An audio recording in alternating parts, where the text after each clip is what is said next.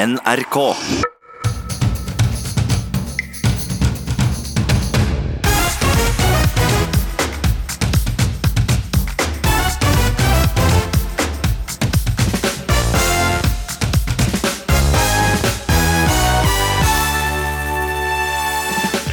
En løs kanon og en hare vi ikke vet hvor hopper. Reaksjonene er mange på at Abid Raja og Knut Arild Hareide er tatt inn i statsrådvarmen. Vi møter dem dagen derpå. Din du ha Med toner fra Tommy Nilsson ber kondomeriet folk om å åpne bakdøra og prøve analsex. Det ville vært bedre om skolen bidro til å fjerne dette tabuet, mener sexolog. Og 70-årsjubilanten Halvdan Sivertsen er klar for festkonsert i kveld. Men først får han en overraskelse her i Ukeslutt. Ja, Velkommen til ukeslutt, altså, her i NRK P1 og P2. Jeg heter Vidar Sem og er ditt følge de neste to timene.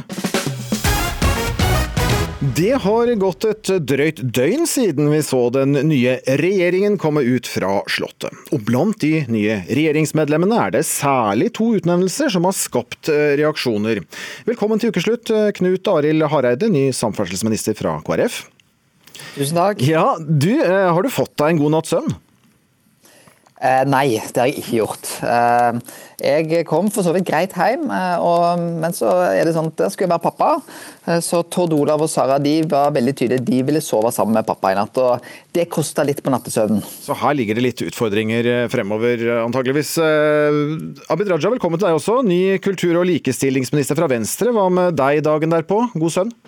Eh, Du, jeg sitter her i, eh, faktisk eh, på kontoret mitt i Kulturdepartementet for å bli kjent med departementet fra A til Å. Ja, Du er rett og slett på jobb igjen, du. På jobb allerede. Ja. Jeg er på jobb igjen. Koda sa du får denne helgen her, har du hold pass, så gå og gjør hva du vil. Ja. Du, eh, det med søvn for jeg nevner jeg fordi eh, dere begge gjorde jo hjemreis fra, fra komitéreise til Indonesia denne uken, da det luktet altså statsrådspost og, og mye farting og, og lite søvn, som vi i hvert fall hører fra, fra en her. Eh, hvis dere kan beskrive denne uken med ett ord hver, hva er da ditt ord, Hareide? Ett ord. Ja, Eh, kom igjen. foran, forandring. Ok, Og hva med deg, Raja? Et ord fra deg. Nem- Takknemlighet. I går så spurte jeg deres eh, også nye regjeringskollega Tina Bru hvordan hun reagerte da statsministeren tok kontakt og spurte om hun ville bli ny olje- og energiminister, og sånn svarte hun. Du blir litt satt ut, rett og slett. Du vet nesten ikke hva du skal si. Jeg tror eh, det første jeg sa til, eh, til statsministeren når hun spurte om jeg kunne tenke meg å bli olje- og energiminister, var eh, er du sikker? som var kanskje mer et resultat at man blir litt satt ut i situasjonen. Men så sa jeg bare selvfølgelig ja, det vil jeg. Hva var din umiddelbare reaksjon da Erna Solberg tok kontakt, Hareide? Jeg hadde en veldig fin prat med statsministeren. eh, og Veldig kort, hva var reaksjonen din? Nei, det er at eh, dette hadde jeg lyst til uh, å gjøre.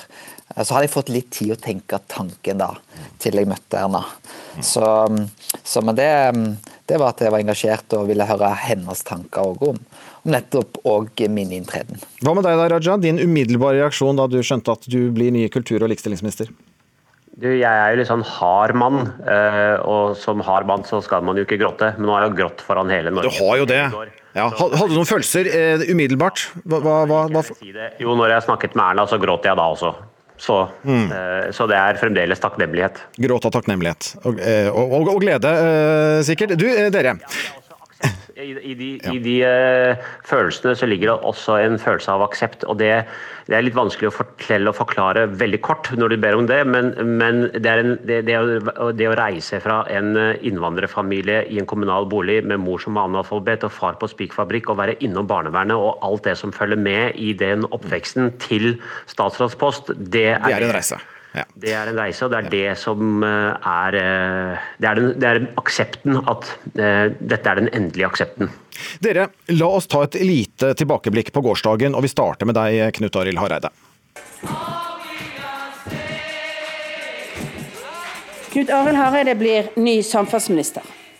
Det vet jeg er overraskende for mange, etter debatten om retningsvalget i Kristelig Folkeparti. Jeg gleder meg til å jobbe tettere med Knut Arild. Men Knut Arild er tatt inn for å bygge bruer. Tunneler, veier og jernbane. Samtidig så har Knut Arild alltid sagt at i valget mellom Jonas Gahr Støre og meg som statsminister, hvis det ikke dreide seg om å måtte velge Fremskrittspartiet i regjering, så har han valgt meg. Men eh, jeg vet jo at dette for noen hos oss er litt eh, krevende. Ja, krevende for noen, sa Erna Solberg, og ifølge TV 2 denne uken så truet flere Høyre-medlemmer med å melde seg ut av partiet hvis du ble statsråd Hareide, og de applauderer ikke akkurat i Frp heller over vår nye samferdselsminister. Blir det mer brobygging enn vei på deg den nærmeste tiden? Jeg, jeg, jeg, forstår jo det at eh, noen i Høyre og eh, Fremskrittspartiet syns det er litt vanskelig at det kommer. Eh, så håper jeg at jeg kan vise gjennom den jobben at dette skal bli veldig bra. Så er jo Knut Arild den samme personen hele veien. Og det var nå en gang sånn at jeg gikk til valg på den regjeringa i 2017 som jeg nå går inn i. Mens den firepartiregjeringa, den hadde jeg med Fremskrittspartiet. Det hadde jeg garantert for velgerne at jeg ikke skulle gå inn i. Men du må, Men du må nok eh, sikkert jobbe litt så, som brobygger eh, fremover, Knut Arild. Da du var gjest her i Ukeslutt sent i høst, så var vi vel ganske så samstemte om at dette var et farvel og en fading ut av eh, politikken. Men nei da. Nei, og det, det, er jo litt sånn, eh, Jeg kan jo godt forstå en del også, som har tenkt ja, nå er vi litt ferdig med han Hareide. og Det kan bli godt å få en pause. og Det hadde jo jeg sagt sjøl òg, og nå er jeg plutselig tilbake. Men det er jo sånn at eh, når det kommer ekstraomganger i en fotballkamp, så blir jo ofte det de mest spennende òg, da. Mm. Og der vi er inne i en ekstraomgang? ja, og da blir det jo alltid to ekstraomganger når det først er i gang. Ja. Du, det noen... ja. det... Hva skal du si? Nei, Det er ikke noen golden goal lenger der du bare scorer og så avslutter du det sånn som det var. Arne Strand han skriver i Dagsavisen i dag at uh, ingen vet etter dette, altså utnevnelse av deg som ny statsråd, hvor Hareide hopper. Har han rett?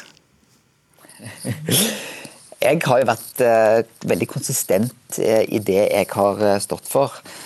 men jeg, som jeg sa, det er en forandring for meg, både sånn på det private og fordi jeg hadde på en måte innstilt meg på et farvel eh, med norsk politikk på det nivået. Mens nå er jeg tilbake, og det, det kjenner jeg òg på en, en, en, stor takknemlighet for. Ja, men, men, kan det bli mer ekstraomganger? Arne Strand antyder jo her eh, ja, hva med stortingsverv igjen? Du har jo sagt nei til Stortinget. Hva med viktig verv i partiet f.eks., Knut Arild Hareide? Nei, jeg, eh, jeg, ønsker selvfølgelig å gjøre en jobb for, for KrF, et parti som jeg er utrolig glad i.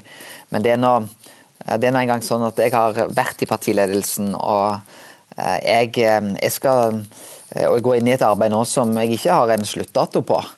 Så det håper jeg kan bli langvarig og i mange år. Men, men, den type oppgave i partiledelse, det er nok jeg ferdig med. Og jeg tror òg den, som jeg òg sa til Stortinget da jeg var i studio hos deg sist, det ligger nok fast. Men vi vet ikke kanskje helt hvor, hvor haren kommer til eh, å, å hoppe, og fra haren Hareide, eller kanskje brobyggeren, da, eh, til han som har blitt kalt for den løse kanon, eller eh, det nærmeste vi kommer en popstjerne på politikkens norske himmel, som NRKs kulturkommentator skrev på Ytring i går. Ja, Abid Raja, hva passer best for deg da, popstjerne eller kanon? Begge deler er jo egentlig ganske bra. da. Både å være, både å være popstjerne og kanon. Eh, for en kanon skyter jo ganske bra og, og, og gjør jo målrettet skade. Men uh, dette med løs kanon, den, den, skal jeg nå ta livet av. Altså, uh, Fra nå så skal jeg være ankret og fastbundet og kommer til å skyte målrettet. Og det kommer til å være mye mindre vådeskudd.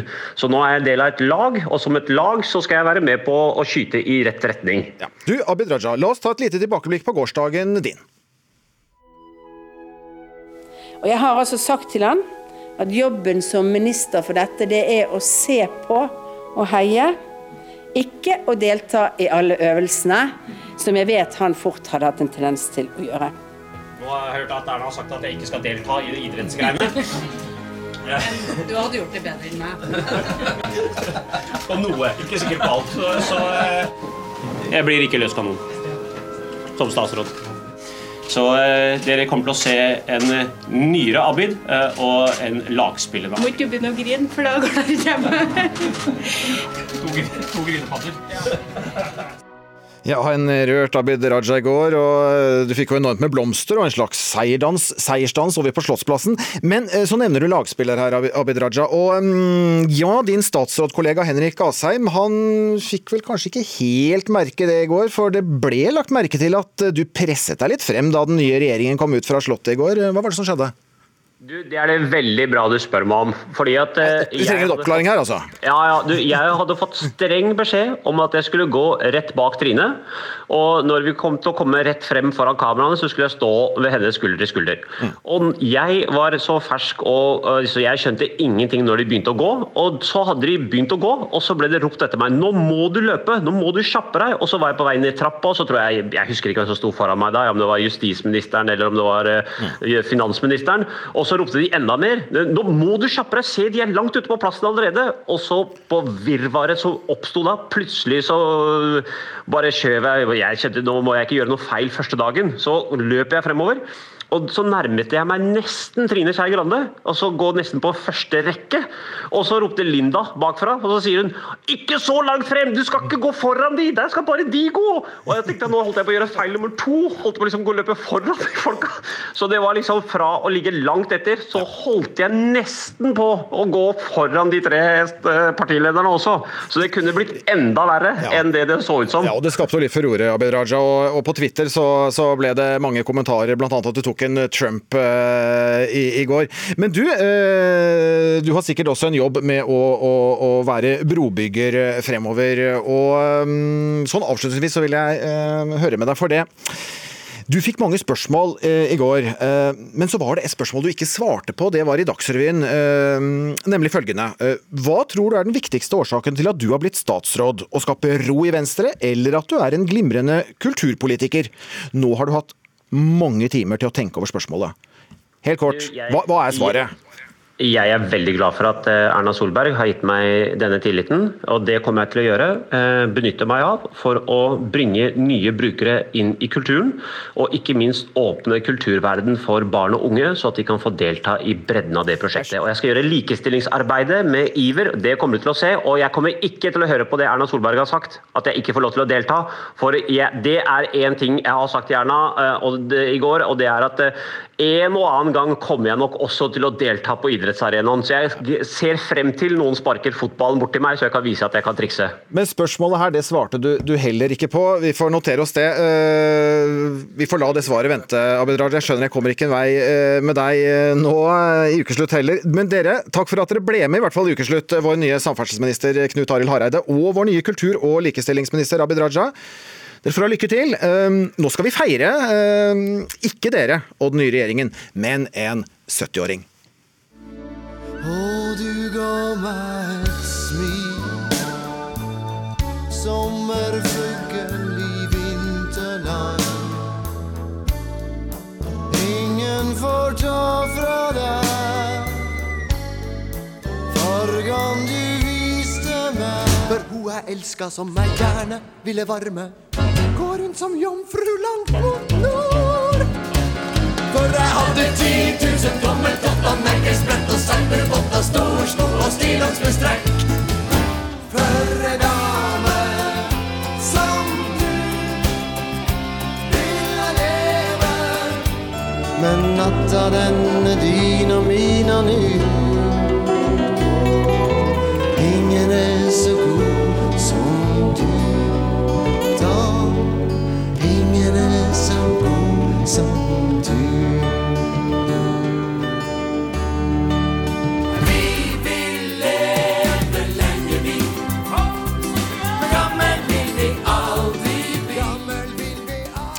Ja, noen av våre sangskatter, og ikke minst eh, Halvdan Sivertsen sine skatter. Mann bak, altså. Han hylles i dag med en egen festkonsert. Og Halvdan Sivertsen, eh, 70 år ble du tidligere denne måneden, men i dag så skal du feires i Oslo Spektrum. Er du klar for fest? Det sånn ut? overveldet allerede, altså. Det, det må jeg bare si. Det er voldsomt. Ja, det har vært- det har vært mye. Klart jeg gleder meg. Ja, det har vært Ja. veldig mye. Det, men men eh, man må jo bare takke og bukke og ta imot. Og det er jo hyggelig å få det mens man ennå er i live. Det er jo Sant. Så eh, det er fint. Ja, Det første du skal- vet du skal nå, du skal i sminken eh, straks, for du, dere driver med prøver før kveldens eh, konsert. Eh, Hva er det du gleder deg mest til i kveld?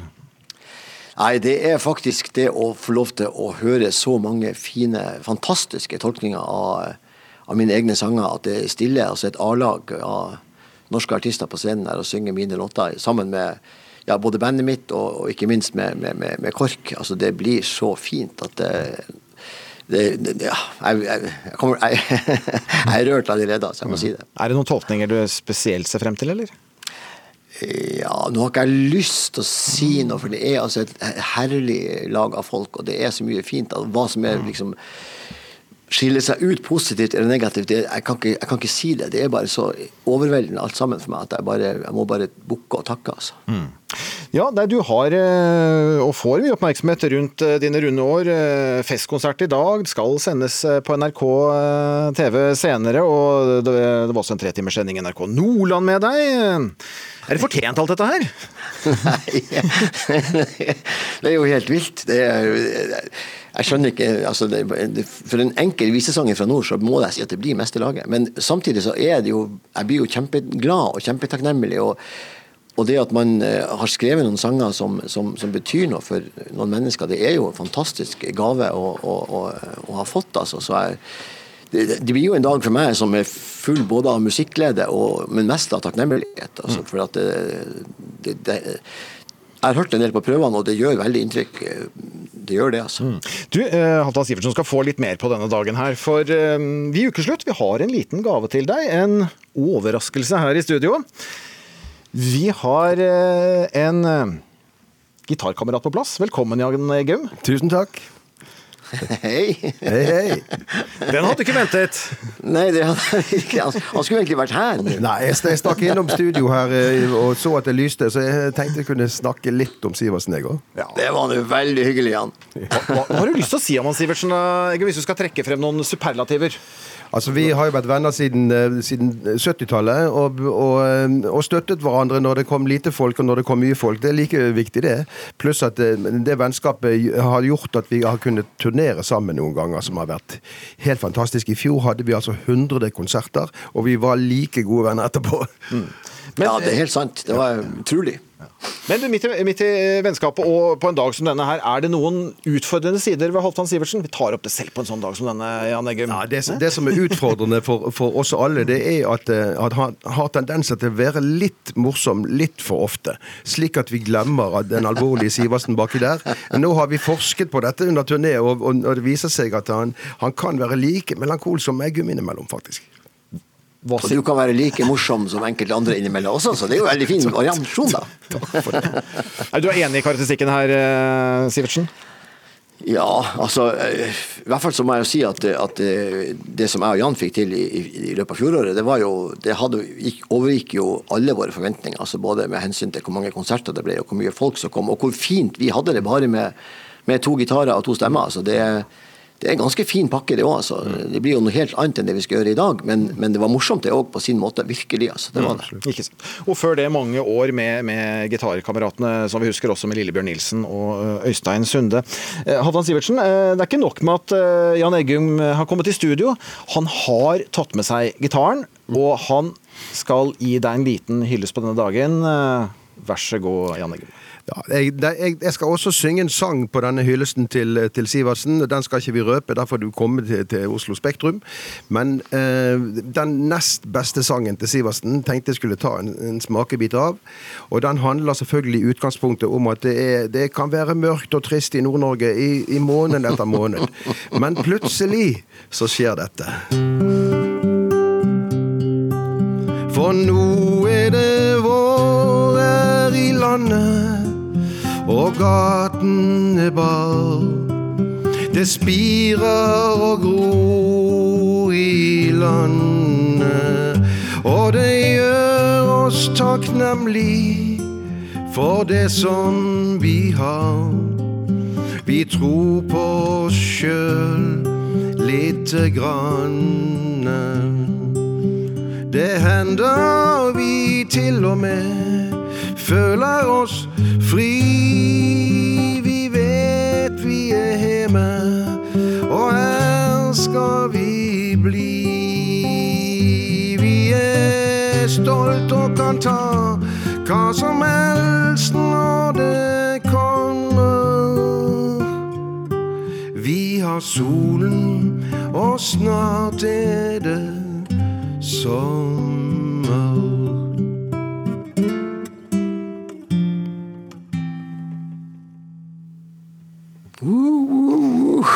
Tusen takk, Jan. For en fin, fin opptak til kvelden. Du verden, takk skal du ha. Så god. Halvdan Sivertsen, lykke til med, med kveldens eh, konsert. Eh, og for den som ikke har fått seg billett til i kveld, så kan man se frem til påske, har det blitt meg fortalt, og langfredag, for da sendes også denne konserten på NRK. Tusen takk, Jan Eggum, for at du kom i studio og spilte, og lykke til altså i kveld, Halvdan Sivertsen.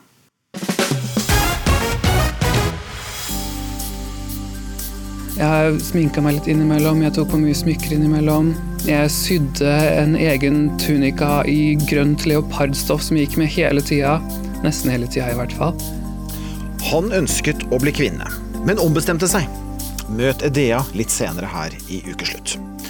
Og det fryktede koronaviruset brer om seg, og Hongkong erklærer krise. Men det er ikke første gang vi hører om et virus som sprer seg. Hva har vi å frykte denne gang?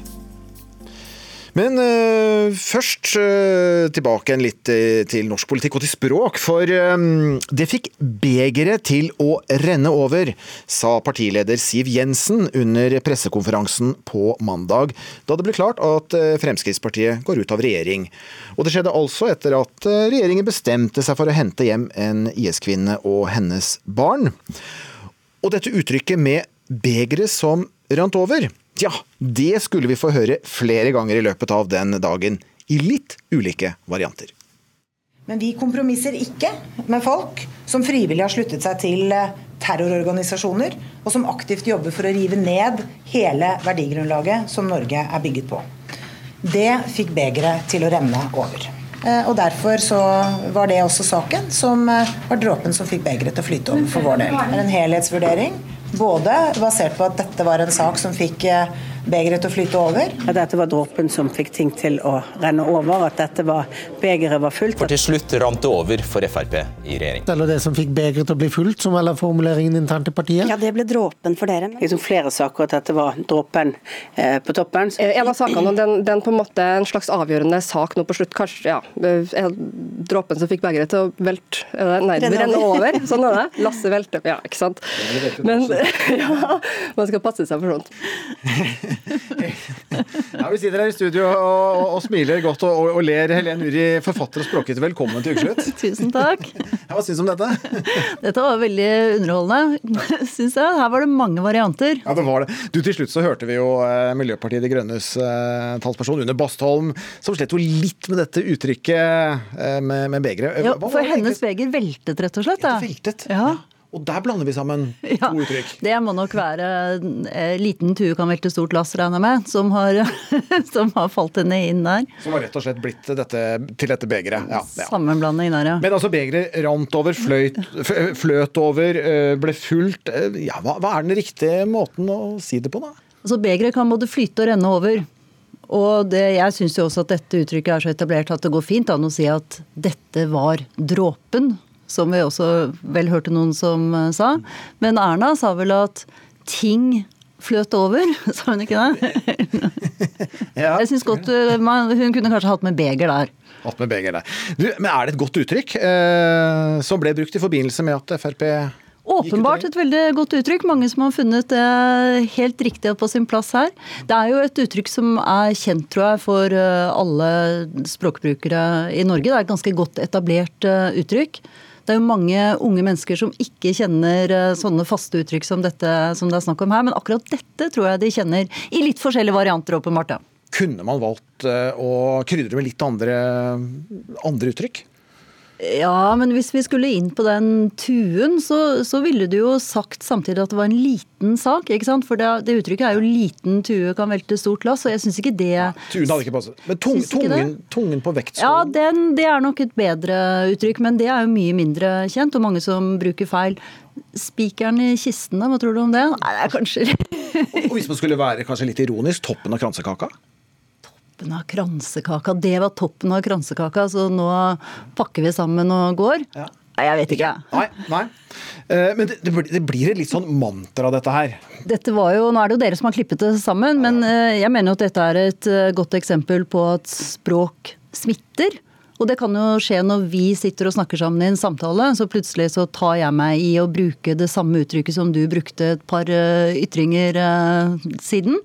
Eh, og så ser vi det jo altså Språk er jo mote. Se på sånne uttrykk som ingen sa for noen år siden, og så plutselig så er eh, alle norske munner fylt med eh, ish, eller at noe er episk. eh, ikke sant? Så, så dette ting, eh, språk smitter, ord og uttrykk smitter, det er et vanlig fenomen. Mm. Er det viktig med den type uttrykk i det politiske vokabularet?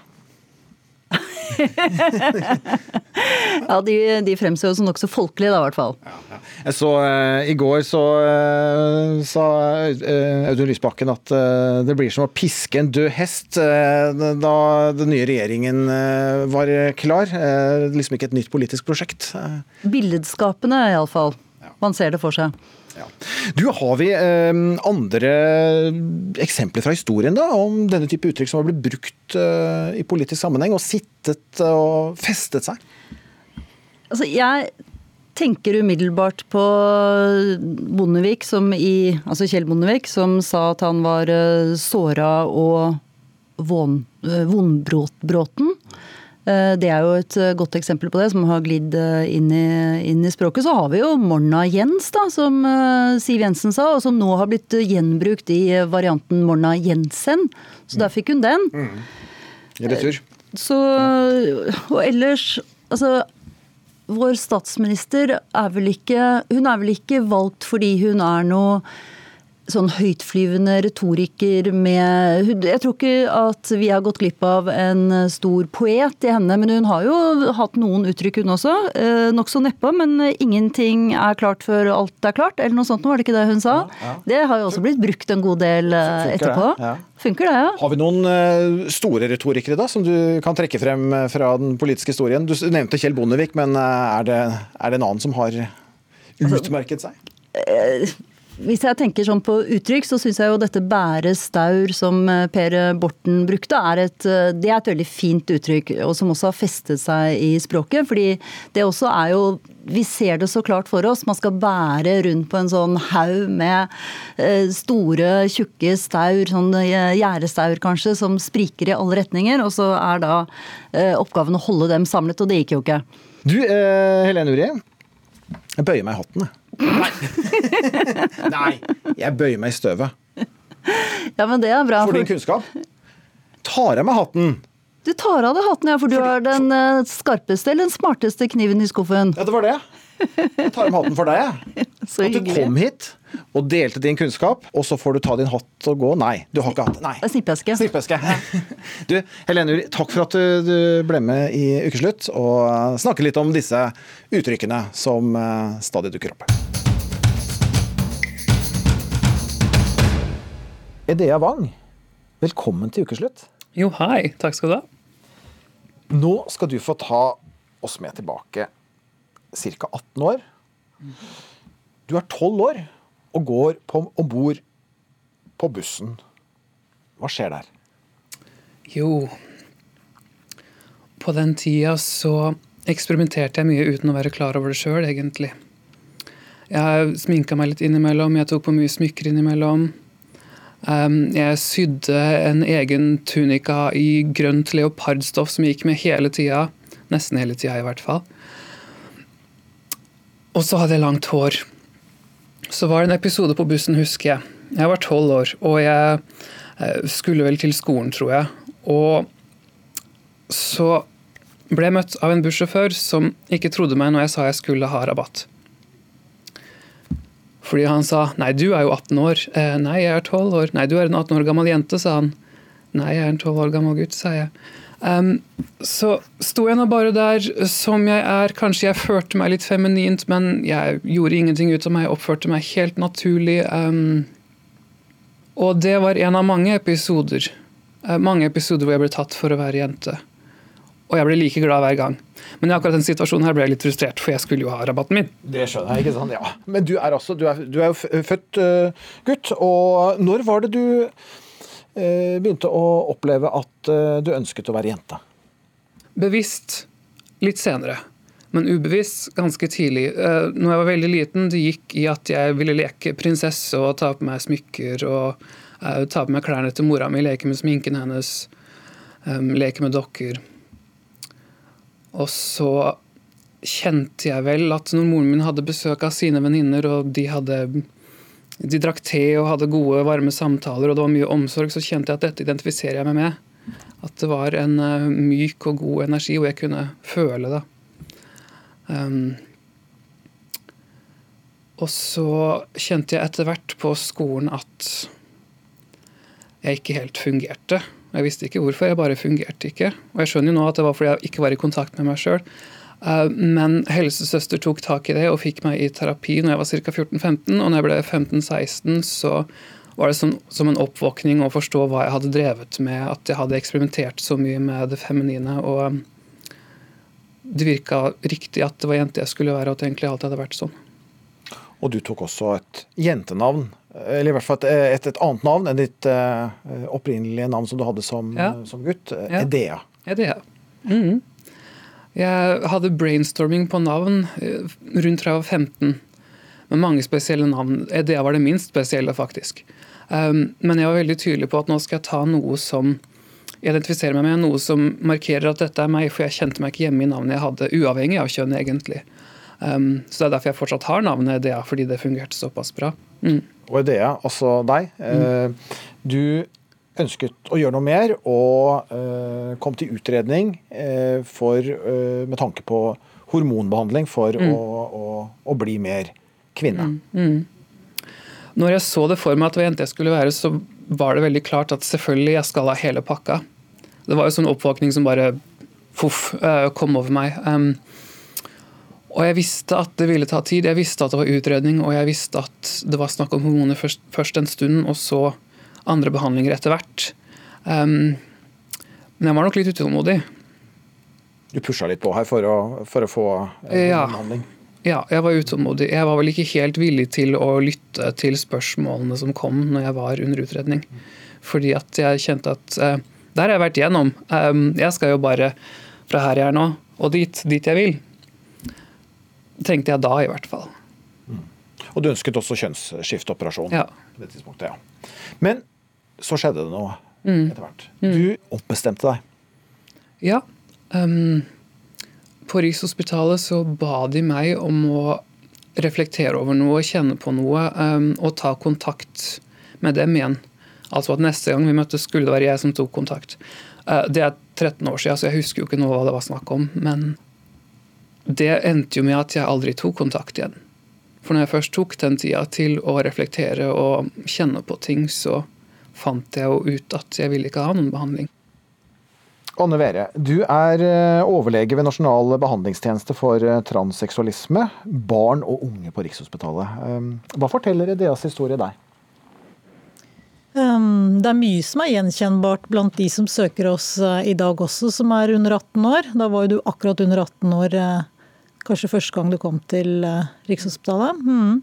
Um, så det er en historie som vi kan kjenne igjen blant mange som søker hjelp hos oss i dag også. Har du eh, hørt om andre som eh, har ombestemt seg eller angret slik som Medea?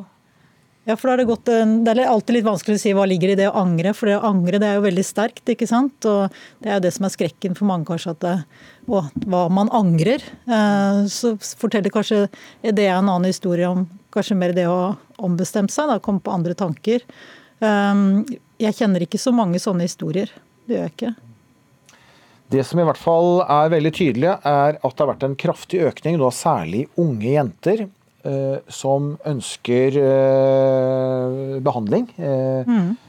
og er blitt henvist til, dere. Altså Tall Mm. viser altså i 2012 var det snakk om 11 jenter henvist til Rikshospitalet for kjønnsbekreftende behandling. Mm. Eh, og i 2018 154 jenter. Hvorfor har vi en slik økning blant Mm. unge jenter? Ja, det er jo det store spørsmålet. Ikke noe godt, ikke noe godt svar. det Det kan si er at um, eh, den samme økningen ser vi i hele den vestlige verden, og den har kommet veldig brått de siste to, tre, fire årene. Um, Det ser ut som det kanskje begynner å stabilisere seg, men um, det er en veldig sammensatt gruppe. Um, Det er vanskelig å ha noen helt klare formeninger om hva det kan skyldes, men det er jo påfallende at det er uh, i denne tenåringsgruppen blant de som er tildelt jentekjønn, altså biologisk fødte jenter, vi ser økningen. Mm. Men her står vel dere også for en utfordring. Altså, det ene er ressurser, at det blir så mange. Men det der å klare å skille den personen som trenger Mm. eh, eh, kjønnsbekreftende behandling. Ja. Mm. eh, kanskje, kanskje livsnødvendig. Mm. Noen snakker om at man må jo være liv, liv, livreddende behandling. Eh, mens andre, som f.eks. i Deas tilfelle, Mm. som ønsket det sterkt, men Mm. som likevel innerst inne ikke Mm. ønsker det. Det er klart at Vi får ganske mye erfaring når vi treffer veldig mange. Når det er et sentralisert tilbud, så treffer vi jo mange etter hvert. eh, gjennom den økningen som det har vært de siste årene. og Da eh, er det ganske tydelig å se eh, de som vi er ganske trygge på, som har hatt denne utfordringen, eller vet ikke om man skal kalle det utfordring, men som i hvert fall har kjent det sånn fra de er veldig unge. som ikke har hatt andre utfordringer, kanskje, og som som bare alltid har vært en av jentene, eller bare vært en av guttene i disse tilfellene her, da. Eh, mot de som kanskje kommer senere i tenårene, som kanskje har mye andre utfordringer i tillegg.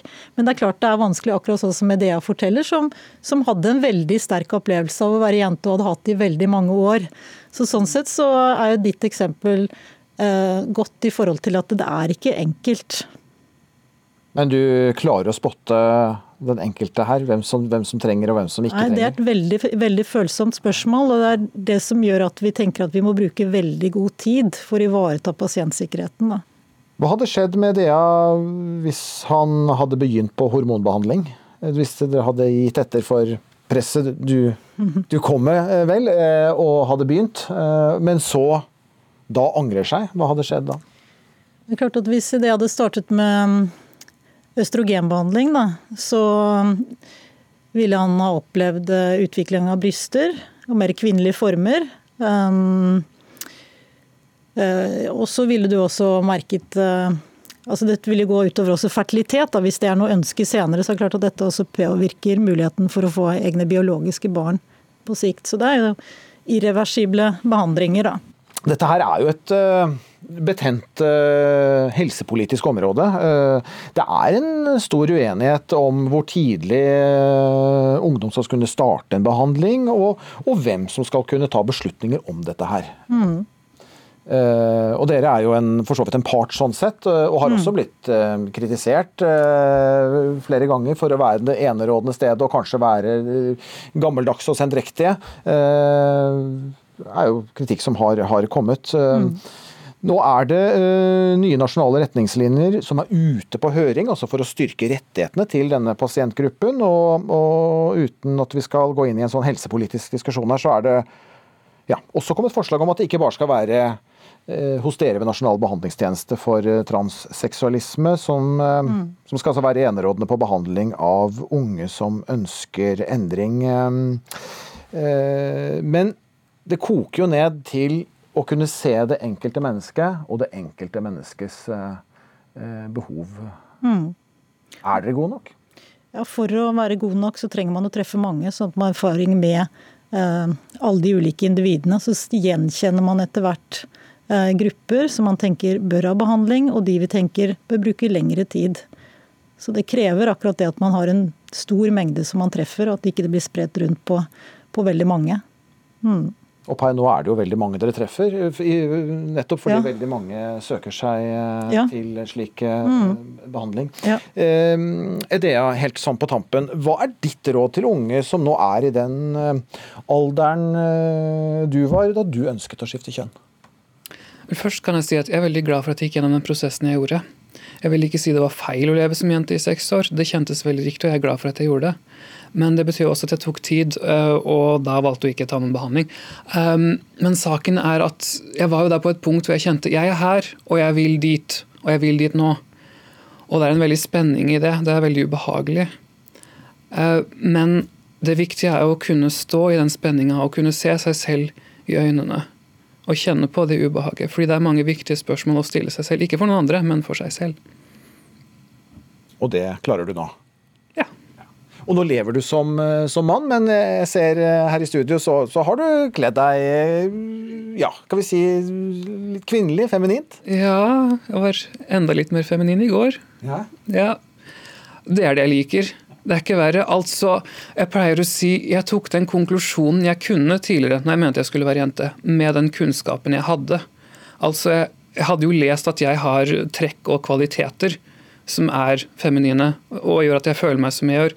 Og Sånn kjenner jeg det fortsatt, og sånn ser jeg det fortsatt, men jeg har fått noen nye perspektiver, og jeg ser jo nå at jeg kan være som jeg er i den kroppen jeg har. Og når jeg kjenner meg trygg på det, da trenger jeg ikke noen bekreftelse fra andre heller, uansett sånn eller sånn. Og nå er det mange som kaller meg både det ene og det andre og det tredje også, og det er helt ok, og det bryr meg ikke. Hen, hen hun og han. Du, Ja. ja. Du, du er deg selv? Ja. ja. Og har funnet en ro i det? Ja. Takk for at du kom hit til eh, ukeslutt, eh, Edea Wang, eh, og delte din historie med våre lyttere. Og takk også til Anne Vere, som altså er overlege ved Nasjonal behandlingstjeneste for transseksualisme, barn og unge på Rikshospitalet. Nå kan du leie hus hos kronprinsparet på Skaugum for 27 000 kroner i måneden. Så får du bo tett på de kongelige. Ukeslutts reporter Kari Li tok seg en tur ut på gaten for å høre med folk. Ville du likt å vært nabo med kronprinsparet? Nei, det vet jeg ikke om jeg hadde syntes hadde vært så ålreit. Jeg vet ikke, Det er litt sånn spesiell situasjon, på en måte. Litt, de, de skiller seg jo litt ut i mengden. så jeg liker å være litt anonym, så da tror jeg ikke det er liksom tingen. Ja, altså, altså De har også folk, da. Selv om det er liksom kongens familie, men Men Kunne du tenke deg å leie der? jeg Altså, huset jeg bor i nå, er på 375 kvadratmeter. Ja, litt dyrt. Litt dyrt for meg. Så veldig landlig og idyllisk ut, og ganske trygt, antar jeg. Men du kunne du tenke deg å bo her? Som for en ferie? Nei, altså leid. Leid.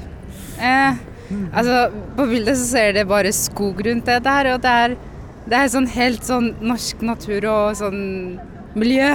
Kanskje de burde slått seg på Airbnb? Ja, vet ikke. Kanskje. Ja. Ja, og litt senere i ukeslutt så møter kongeentusiasten Finn sjøl en svensk redaktør som syns kongelig utleie er en dårlig idé. Men før det, en advarsel. Advarsel altså, for nå skal det handle om analsex i ukeslutt. For denne uken så lanserte Kondomeriet en kampanje som oppfordrer folk til å åpne bakdøra.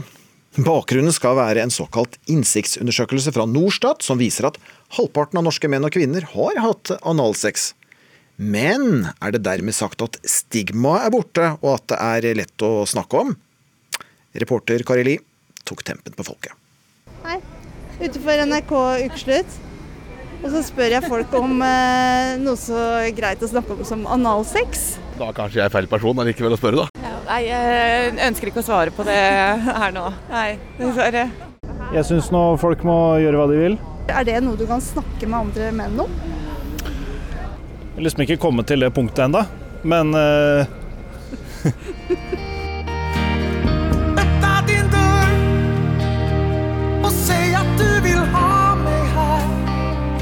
Tommy Nilssons megahit fra 1994 dukka opp i en ny reklamefilm denne uka.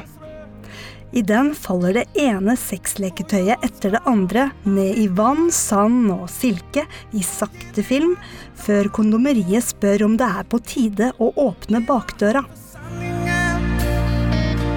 Låt meg bli den som först Dette er jo en sak hvor jeg kan komme til å måtte si analsex mange ganger. Har du noen tips til variasjon? Ja, det er jo fint å variere, men jeg bare registrerer at det er også overraskende mange som syns det er veldig vanskelig å si f.eks. analsex. Eh, så egentlig så tror jeg det bare er bra hvis du bruker ordet ofte, for da får folk, folk trent seg litt på å høre det. Tuva Fellmann er programleder i Juntafil, NRKs sexopplysningsprogram for unge. Det er ganske mye sånn tabu når det kommer til seksualitet generelt. Eh, og så eh, opplever i hvert fall jeg at um, særlig når det kommer til f.eks. rumpa, eh, så blir vi veldig bekymra, og vi blir veldig stressa, og vi syns det er kjempevanskelig å snakke om. Og da blir også ordene vanskelig. Akkurat hvor vanskelige ordene er, fikk Fellmann erfare da hun i fjor høst skulle lage podkast om menn og analsex. Den magiske fingeren i rumpa, den er Den eneste som ville snakke åpent om dette i podkasten, hører du her. Første gangen jeg fikk en finger i rumpa, så var det sånn wow! Dette har jeg ikke Hva i alle dager er det her? Det var jo dritdigg. Eh, mer av det. Ja, hei. Martin Lepperød her. Eh, programleder i NRK P3. Martin Lepperød er hjemme etter en lang dag på jobb i programmene P3 Morgen og Karakter.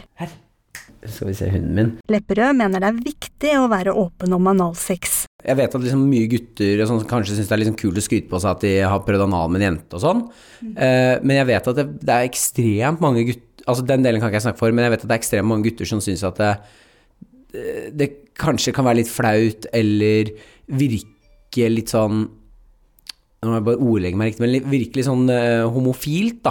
Og øh, synes det er digg å få noe i rumpa selv. Eh, og det er jo helt feil. Eh, ja, det er egentlig veldig synd at det er stigma rundt det, da. For det er en fin ting med sexen. Har du noe leketøy, f.eks.? Eller uh... Jeg har jo en buttplug, da. Ja. Ja. Kan du vise den, eller? Jeg tror den skal få ligge i skapet sitt. eh. Det, det vil du ikke vise fram, liksom? Uh, altså, jeg har ikke noe har, jeg har ikke noe problem med å vise den fram, men den har jo ja, Den har jo vært brukt, eh, så det er vel og, og rensa, men det er noe med tanken på å eh, ta fram den eh, her ved, i stua. Som jeg, jeg holder den til soverommet, tenker jeg. Eh, men den, den er der inne. Den er grønn og fin og ikke altfor stor.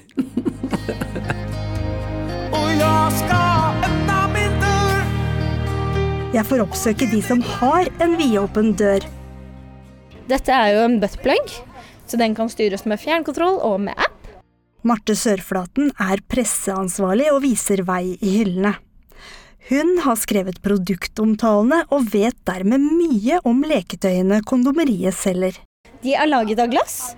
Er jo, Det er en rose. Det er en rose som aldri visner. Og så har vi diamanter, eh, diamonds last forever her oppe. Hvordan merker dere at det er stigma rundt analsex? Vi merker jo bl.a. at folk har hva skal jeg si, fraværende oppfatninger av hvordan analsex faktisk er. At de kanskje at de har andre forventninger og litt sånn møte med fordommer. Og at det er kjempevondt å putte noe opp i rumpa, men det er jo selvfølgelig Utføres det riktig, så kan det jo være kjempedeilig. Og det er jo også mannen som har P-punktet, som er et nytelsespunkt, som kan faktisk være en orgasmetrigger for veldig mange menn. Du skal ha G-punktorgasme, du skal ha vaginalorgasme, du skal ha analorgasme, du skal ha brystvorteorgasme. Eh, og det er ikke måte på hvor mange former for orgasme du skal ha. Eh, og det kan gjøre en svett. Sexolog Tore Holte Follestad i Sex og samfunn syns det er bra at kondomeriet gjør analsex mer akseptert, men skulle helst sett at unge fikk informasjon om sex og erogene soner på skolen. I all stor grad så lar vi barn og unge finne ut av alle sånne alternative greier sjøl. Og så er ikke vi voksne der til stede og gi gode korrektiv. Og så må en da finne ut av det sjøl. En går på internett, ser porno, kanskje ser kampanjen til kondomeriet og tenker at eh, det ser ut som alle har analsex, da må jeg prøve det. Eh, Og da er det fint hvis norsk skole og seksualitetsundervisninga kan gi god grundig undervisning, slik at en føler seg trygg og gjør det en har lyst til sjøl. Eh, De læreplanene vi har er mer overordna enn det temaet som du nevner her. Hedda Huse er avdelingsdirektør i Utdanningsdirektoratet. Hun kan ikke bestemme hva undervisningen skal handle om, men lover at sex snart får mer plass i skolen. Nå har vi jo nye læreplaner som skolene skal ta i bruk fra høsten. og Der er jo eh, nettopp temaer knytta til at elevene skal eh, lære å reflektere og, forstå eh, egen seksualitet, kropp, grensesetting. Det er et tema som er vektlagt enda mer enn før. Så det at det er et veldig viktig tema, det ser vi i læreplanene som kommer til høsten.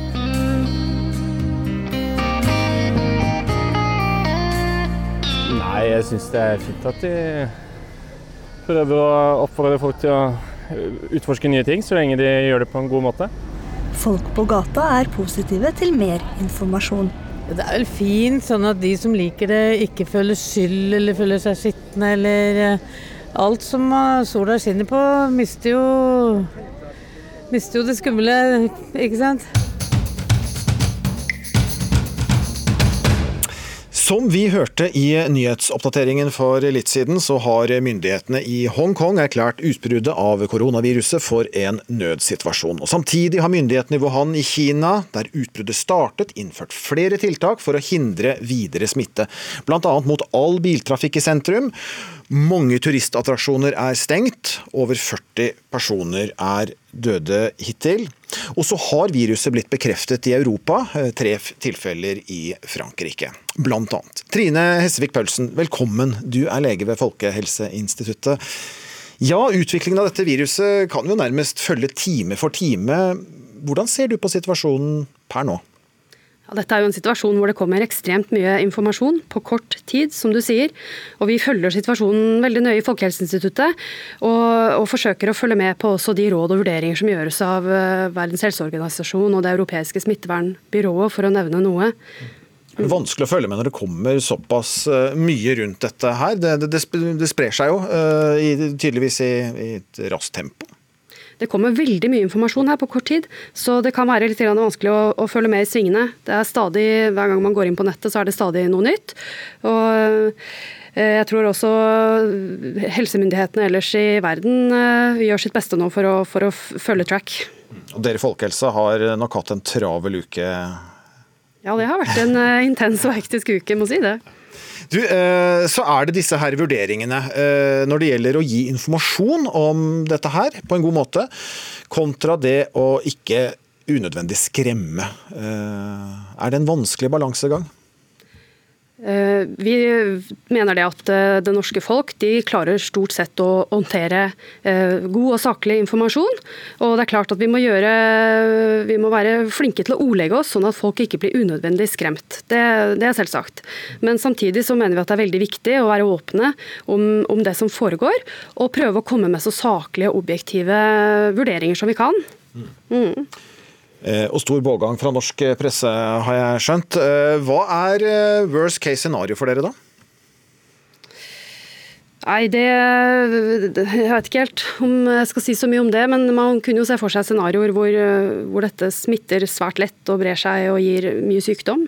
Og dette er jo informasjon som vi ikke har ennå. Vi vet veldig mye som vi ikke vet om dette her viruset, om hvor lett det smitter. og Eh, og hvor syke folk blir.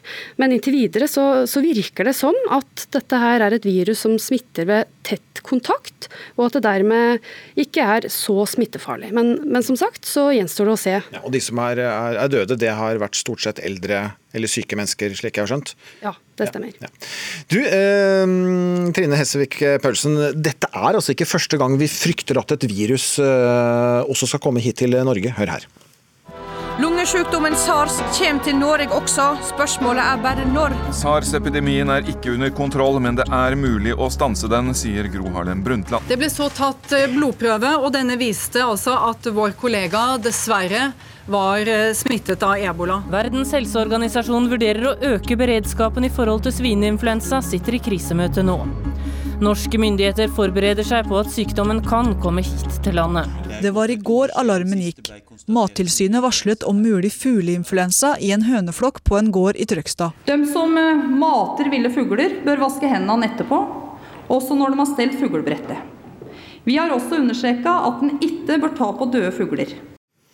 Ja, her hørte vi til slutt tidligere statsråd Sylvia Brustad, som i 2006 ga sine råd for å unngå smitte av eh, fugleinfluensa. Ja, eh, vi har eh, hørt mye om det før. Det ropes altså mye ulv, ulv.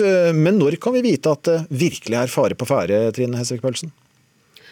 Disse klippene som vi hørte nå, eh, sammenhengen mellom de og, det som vi ser nå, det er jo det at man har et, et nytt agens, noe som kan smitte mellom mennesker, og hvor man ikke riktig vet ennå hva slags konsekvenser det vil ha, hvor alvorlig det blir, hvor smittsomt det er. Og Det var det samme med fugleinfluensa, svineinfluensa bl.a. Det stemmer. Ja. Og svineinfluensa den husker vi, den rammet oss. Det var dødsfall her i Norge, så den fikk vi, fikk vi jo kjenne på. Mm. Ehm, sett opp mot den, som jo var en stor pandemi, eh, hvordan ser du på dette viruset eh, vi nå står overfor? Mm. Tidligere pandemier som vi kjenner til, de har jo vært eh, forårsaket av nyoppståtte influensavirus. Mens det viruset som vi ser nå, det er fra en helt annen virusfamilie, koronavirusfamilien, som oppfører seg annerledes. Men som sagt så er det et nytt virus, og vi vet ikke helt hvordan dette her vil ende til slutt. Din gode og klare oppfordring på en lørdag her i ukeslutt til våre lyttere, hva vil det være? Det vil være å, å, ikke bekymre seg for dette her. Vi har god beredskap i Norge som, som, er klare til å mm, håndtere tilfeller hvis det skulle komme til Norge. Samtidig så oppfordrer vi helsepersonell spesielt til å være årvåkne hvis det er noen som uh, utvikler luftveissymptomer etter å ha vært i områder uh, der dette her viruset sirkulerer nå. Takk for at du ble med i Ukeslutt, Trine Hesvik Paulsen, som også er lege ved Folkehelseinstituttet. Du er eh, kanskje på utkikk etter et nytt hjem. Du går inn på Finn, taster inn ønsket sted, størrelse og pris. Så dukker det opp et nydelig rødt hus, landlig, flott utsikt, fem soverom, eget stabbur og 1,5 mål tomt. For godt til å være sant, tenker du kanskje så ser du at sikkerheten er viktig for denne eiendommen. Garden vokter den. Leser du litt lenger ned i annonsen, så skjønner du hvorfor. Det er kronprinsparet som leier ut et hus på Storgården Skaugum i Asker. Huset ligger et steinkast unna der de selv bor. Du kan altså bli nærmeste nabo til kronprinsparet for 27 000 kroner i måneden. Og Johan Lindvall, sjefredaktør i Svensk Damtidning. Kunne dette skjedd i Sverige? Nej, det hadde aldri kunnet skje i Sverige. Det er helt, helt utenkbart at noe sånt skulle kunne skje i Sverige. Hvorfor ikke? Derfor at svenska kronprinsesseparet, om vi sier da, eller svenska kungaparet, eh, dels har de en utrolig integritet eh, der man ikke vil at folk utenfor familien skal vite hvor de bor eller hvordan det ser ut der de bor. Men framfor alt handler det også om sikkerhet. Sikkerhet for hele kongefamilien. Hva tenker du da om at eh, de norske kongelige leier ut en del av eiendommen sin? Jag tycker det är oerhört märkligt då hyran inte är speciellt jättehög. Då det handlar om max 300 000 norska kronor per år. Eh, jag kan inte tänka mig att de behöver att de faller och står med de pengarna. Vi har med oss her i studio Finn Schjøll. Du er ja, kjent som Blomsterfinn, og vi får kalle deg en kongeentusiast. Du mener at det er helt riktig at kronprinsparet leier ut. Hvorfor det? Jo, fordi jeg tror dette beliggenheten gjør sånn at det er ikke til noe sjenanse for dem, og det er ikke noe fare for sikkerheten. Eh, sånn er den eiendommen sannsynligvis bygget opp. Altså, Jeg tror ikke du kan se huset fra Skaugum, og jeg tror ikke de kan se Skaugum fra sitt hus.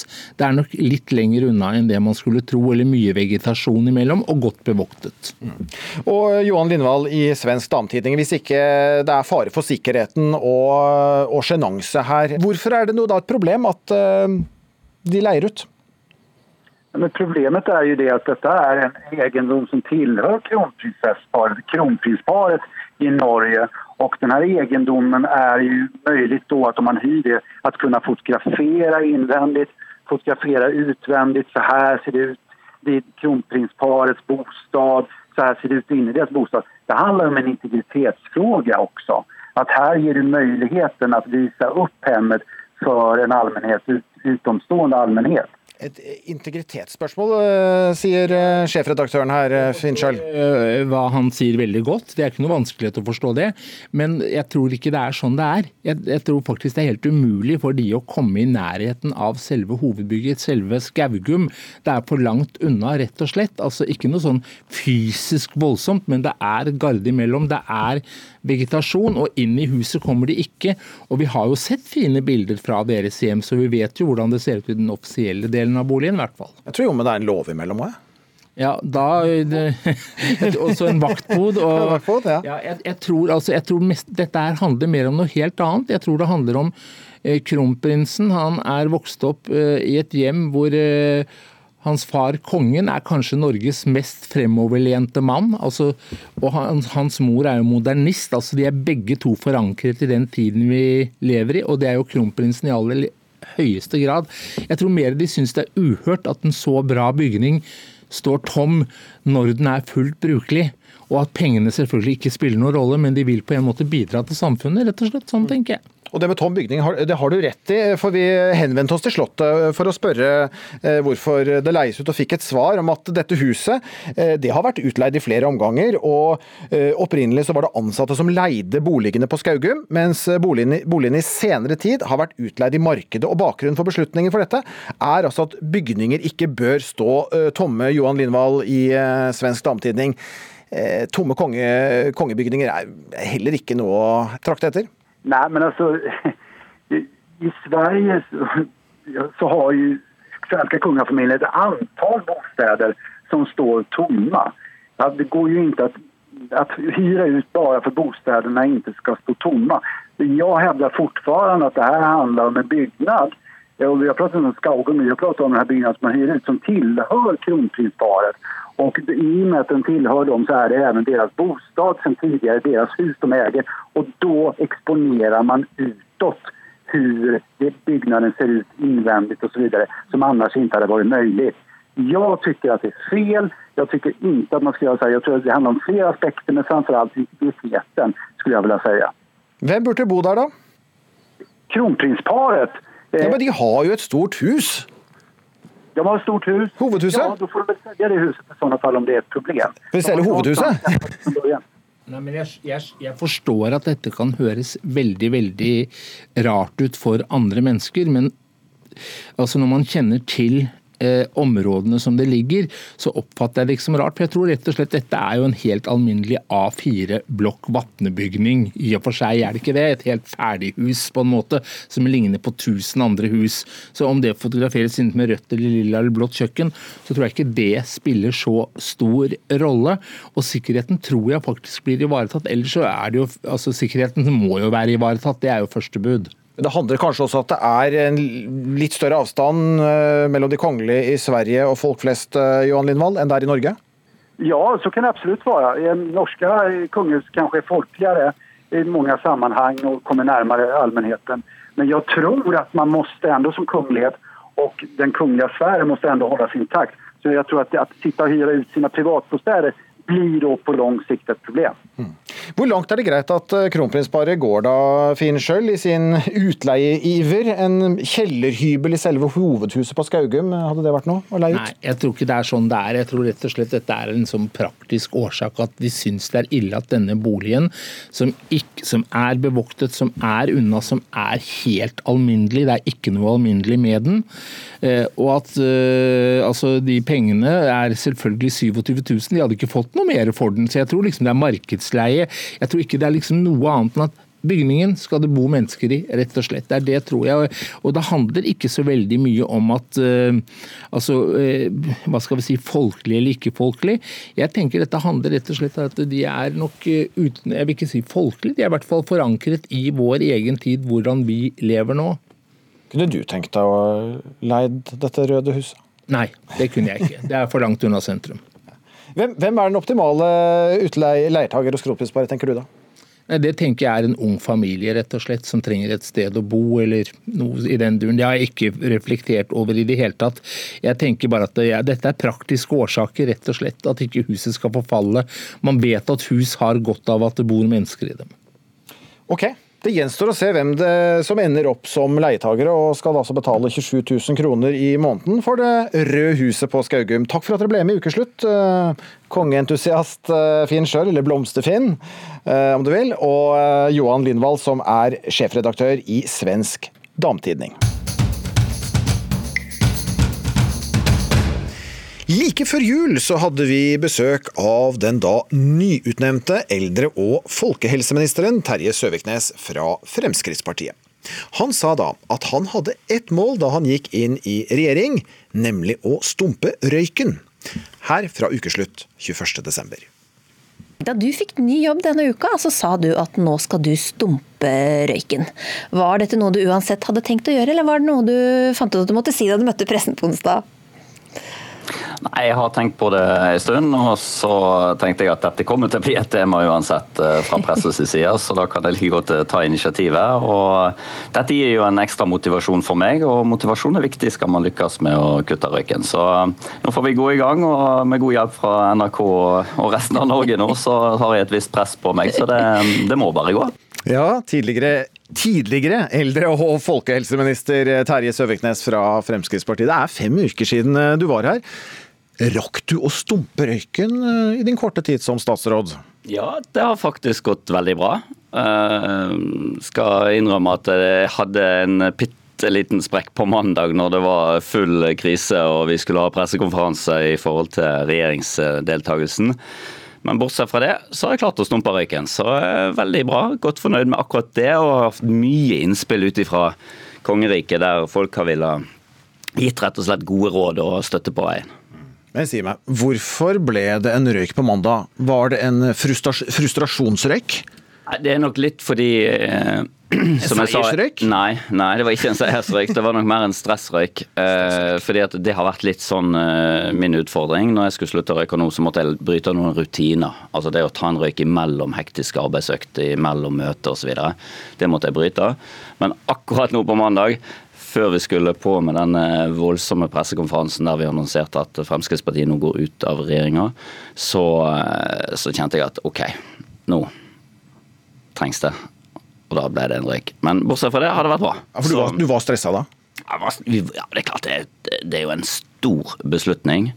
Eh, vi visste trøkket fra media ville være stort, men vi var samtidig veldig trygge på at vi hadde fatta rett beslutning. At nå måtte vi gå ut av regjeringa, både pga. den saka med heimhenting av IS-kvinner, men òg knytta til det, helheten i regjeringsprosjektet. For du var i rommet da beslutningen ble tatt? Vi eller, satt, hvor, ja, eller hvordan var det? Eller var det Siv som kom og vi, Nei, altså. vi satt sammen partiledelsen, eh, Siv Jensen, Sylvi Listhaug og jeg, eh, gjennom hele den helga og jobba. Og så hadde vi noen konklusjoner på slutten av helga og kalte inn eh, etter hvert landsstyret og hadde en telefonkonferanse med de mandag formiddag, og så var det rett i pressekonferanse. Men først en røyk. Innrømme det. Ja. Men du, du, bortsett fra denne mandagsrøyken du hadde, så, så klarte du altså å stumpe røyken i din statsrådtid. Ja, det var vel kanskje det du klarte som eldre- og folkehelseminister? Ja, litt satt på spissen så kan vi kanskje si at det var det som står igjen etter fem uker som eldre- og folkehelseminister. Det er jo litt begrensa tid hva, i forhold til å, å, virkelig komme i gang med jobben. Er du litt skuffet over at ikke det ble Du fikk gjort mer rundt et, et, tema som, altså en politikk som Frp er veldig opptatt av. Ja, det er det. fordi at Jeg har jo vært statsråd tidligere, sant? olje- og energiminister, og fikk virkelig jobba i to år med det feltet. Og så jo hva som var mulig å få til på et viktig felt for, for Fremskrittspartiet. Og nå hadde jeg et nytt viktig ansvarsområde. Eldreomsorg er viktig for Fremskrittspartiet. Vi har en stor Leve hele livet-reform som skal rulles ut når vi har statlig finansiering. Vi har ny stortingsmelding om palliasjon, altså omsorg ved livets slutt. Masse viktig som jeg hadde nå lagt planer for. Og så og så blir det ikke noe. Men du, den statsrådposten din den, den, forsvinner som egen statsråd. Det går inn i helse- og omsorgsministerens portefølje. Så ja, Frp mister jo den slagkraften ved å ha en eldre- og folkehelseminister. Det gjør vi. Og det er alltid noen nedsider òg når man gjør et veivalg som dette og går ut av regjering. Og så får du jo ja, tituleringen nærmest. I hvert fall én av historiens kortest sittende statsråder. Ja, ingen spesiell ære i akkurat det, da. Men Fremskrittspartiet har mye å være stolt av etter seks og et halvt år i regjering. Og nå tar vi en ny opposisjonsrolle i Stortinget. Litt tøffere, litt tydeligere. Og ser fram til stortingsvalget i 2021. Og så får vi se. Men nå blir det nok full fart igjen, både i lokalpolitikk. Og så må jeg finne meg noe ved siden av som, som jeg kan ha jobbe med i fortsettelsen. Ja, hva er det, da? Det er litt spennende å se, da. Det kan bli noe inn mot partiorganisasjonen. Og så er vi åpne for å diskutere de tilbud som måtte komme eksternt ifra. En personlig litt skuffende? Ja, alltid det. Altså, Jeg legger ikke skjul på det, men det, eh, jeg hadde veldig mye jeg ønsket å få fram nå i forhold til eldreomsorgen spesielt. Det er Jo, men viktig sak. personlig også gå fra statsrådpost, Ja, altså, det- det er det, men det må bli helt sånn underordna, fordi for eh, deg personlig så er det jo ikke det. Nei, det er jo aldri det, men, men Du har jo hatt det litt vondt. Men som politikere så er vi del av noe større enn oss sjøl. Ja da, men du har hatt det litt vondt den eh, siste uka også, midt oppi det hele. Jeg har hatt det så travelt. Jeg har egentlig ikke kje- kjent Du kjenner på det nå, da? Ja, nei, ikke vondt, fordi at det er en veldig riktig beslutning. Vi kjenner at beslutningen var rett, og, og spesielt eh, Siv Jensen, Sylvi Listhaug og jeg som er ledertrioen i partiet, har jo sittet og jobbet oss fram til at dette var det riktige, og tok en konklusjon på det. Så, eh, så dette er vi helt helt innforstått med. Og du har også tatt en konklusjon på å stumpe røyken. Eh, Blir den forblir stumpa. Den får bli stumpa. Og det er veldig positivt. Stadig flere gjør jo det. Denne siste uka fikk vi jo tall på at nå er antall dagligrøykere helt nede i 9% Siste oppmåling fra 12% året før. Og de unge 2% ned fra 4% Så det er mulig, så jeg håper at eh, flere tar den utfordringen. En liten gledesmelding på tampen der fra tidligere eldre- og folkehelseminister, eh, som satt altså veldig kort, men rakk å stumpe røyken. Takk skal du ha, Terje Søviknes. Takk for det. Ansvarlig for sendingen, Philip Johannesborg. Det tekniske ansvaret hadde Marianne Myrhol. Og her i studio, Vidar Sem. Og jeg ønsker dere alle en fortsatt riktig god helg.